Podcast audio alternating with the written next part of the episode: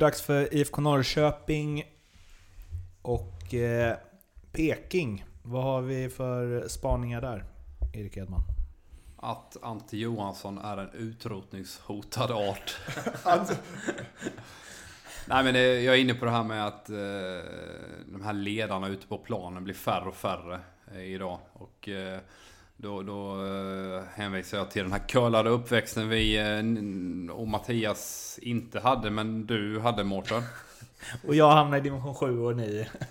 Ja, vi kan Okej, ligga ja. där. Nej men eh, idag ska vuxna vara med och styra leken på ett helt annat sätt. Eh, Alltså om man tänker när man är 5, 6, 7, 8. eh, På ett helt annat sätt. Eh, Träningarna måste vara tränarstyrda. Den här spontanidrotten finns inte på samma sätt. Och det gör att ungarna inte styr upp leken själva och inte har den här interna hierarkin mellan sig. Och det gör i slutändan att vi får färre ledare eh, i Allsvenskan ute på planen. Som kan styra spelet. Men kanske fler lyckliga barn. Nej men...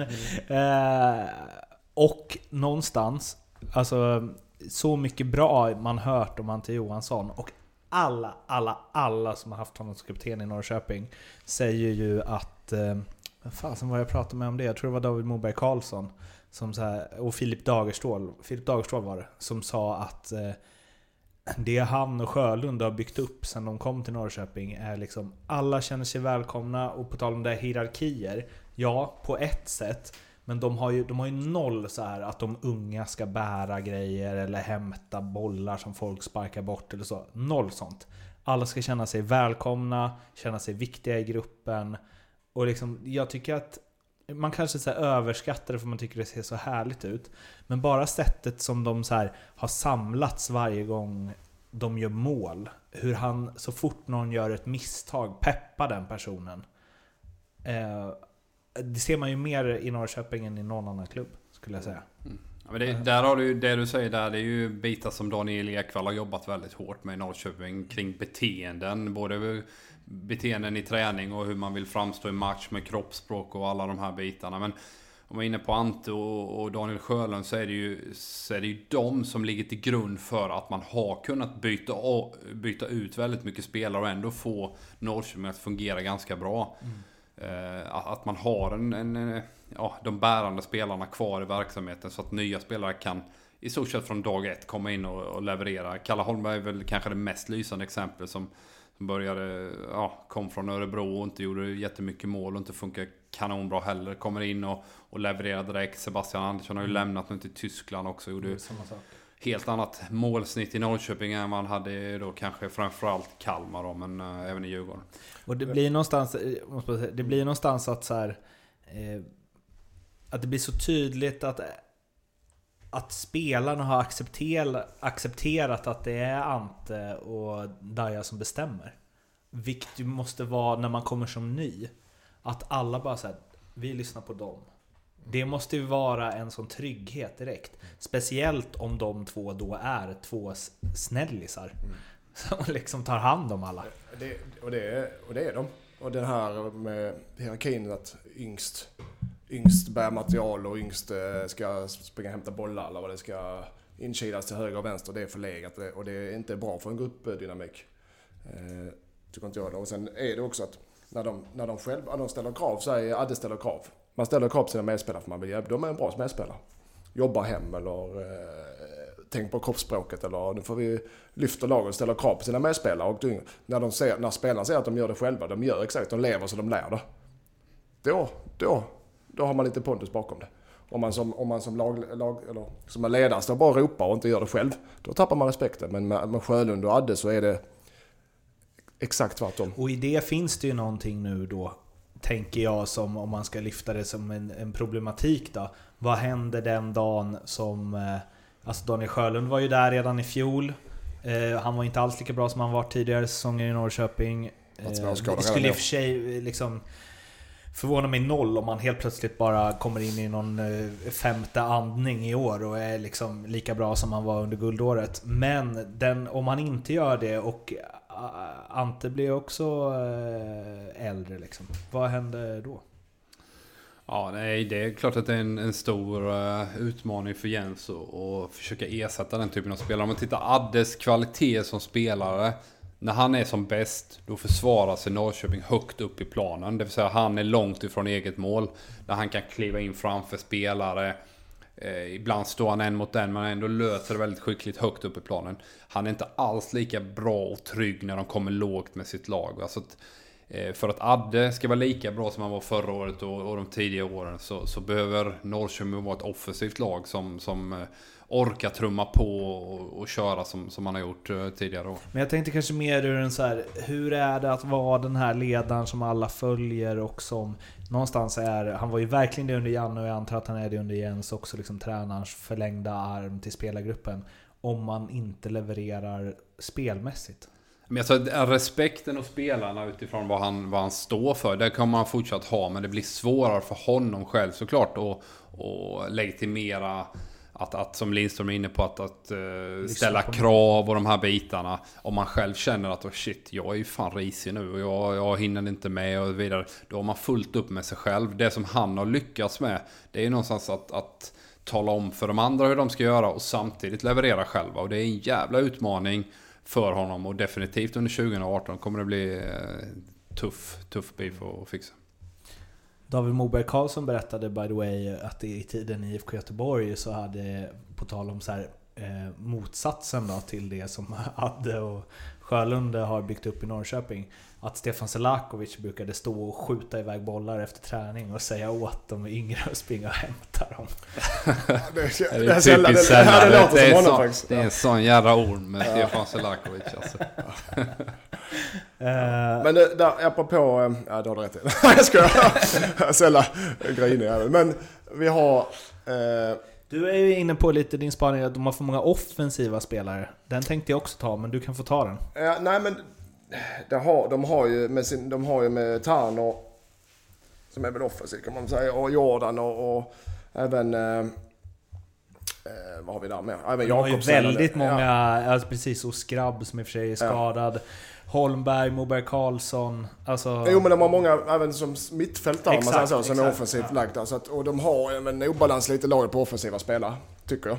Och spelar offensiv fotboll, de spel, släpper in mål i varje match. Eh, gör också många mål. Så det, det, det är väl deras sätt att spela. Eh, och när vi mötte dem i kuppen och det är klart, det kan man inte dra de stora paralleller, men eh, det känns riktigt som, de, med sitt tremannaanfall och, och sin offensivt balanserade mittfält så, så blir det stora hål i dem. Mm. Och, och det, det, är inte tillräckligt för att de ska hänga med i toppen. De måste kunna täta det. Mm. Och jag vet inte vem som ska spela riktigt, vem som ska göra vad. För att det känns som de anfallarna som var, de springer in lite varandra för de tar varandras ytor. Det är samma som spelar, de är för lika varandra. Mm. Den känslan får jag. Eh, men, och det, den är orolig för att de, att de behöver kanske, säg att det går sönder som mittback. Eller vem sätter de där då? Katastrof. Ja, vem sätter de där? Och han är, han är ett år yngre än mig bara. Han, han, han kan inte spela 30 matcher där antagligen. Vet du vad jag hade gjort? Jag gillar han, Ian Smith. Gillar jag. Mm. jag gillar honom. Mm. Det är en bra mm. spelare alltså. Mm. Han hade jag ju sett dem som mittback. Mm. Om Adde går sönder. Jag trodde du hade velat ta ut honom och sen så får Linus Wahlqvist äntligen spela mittback. Nej. Som han alltid gjorde fram till A-laget. Liksom. Jag, jag intervjuade Mattias Florén när han värvades tillbaka till Norrköping och då sa han att ja, men det vi håller på med här är lite samma resa som han hade gjort med Elfsborg då. Och liksom slagit sig i toppen alla år, det var väl något SM-guld där och så. Och det finns ju många likheter, både i hur de spelar fotboll och resultaten som har kommit. Det här börjar ju också, eller jag känner att i år börjar följa i Elfsborg spåret att det kanske inte kommer vara ett topplag givet närmst. Alltså det, det här är ett väldigt viktigt år för Norrköping, ja. känns det som. Speciellt som att de värvade Tern och Jordan och sa att så här. Okej, okay, håll käften nu allihopa som har kritiserat för att vi inte satsar. Nu satsar vi. Och där till min spaning då. Jag är inte alls övertygad om att Simon Tern och Jordan Larsson kommer liksom cementera Norrköping som något topplag. Faktiskt. Eh, vad det gäller Jordan så för, måste man ge honom lång, eh, tiden fram till sommaren i alla fall innan man gör en, en rättvis eller en objektiv bedömning på honom. Han har suttit för länge nere i Holland och, och blivit kall. Han behöver tid. Simon däremot eh, måste vara en, en av Allsvenskans bästa innermittfältare för att Norrköping ska vara bra. Jag tycker dessutom har man en problematik på sin vänsterkant där man har släppt två vänsterbackar till Calcis senast. Och, Telo är jättetungt ju. Ja, Telo som, som är kulturbärare och liksom eh, även väldigt duktiga spelare. Där har man inte riktigt hittat en ersättare. Jag vet att Skrabb är tänkt där men har också haft skadeproblem. Eh, Jaha, är han tänkt där alltså? Ja, och Ah, sen har de spelat Gud, Gud, Torarinsson där också. Va? Så att, eh, De har ju värvat han eh, Johannes Wall ju.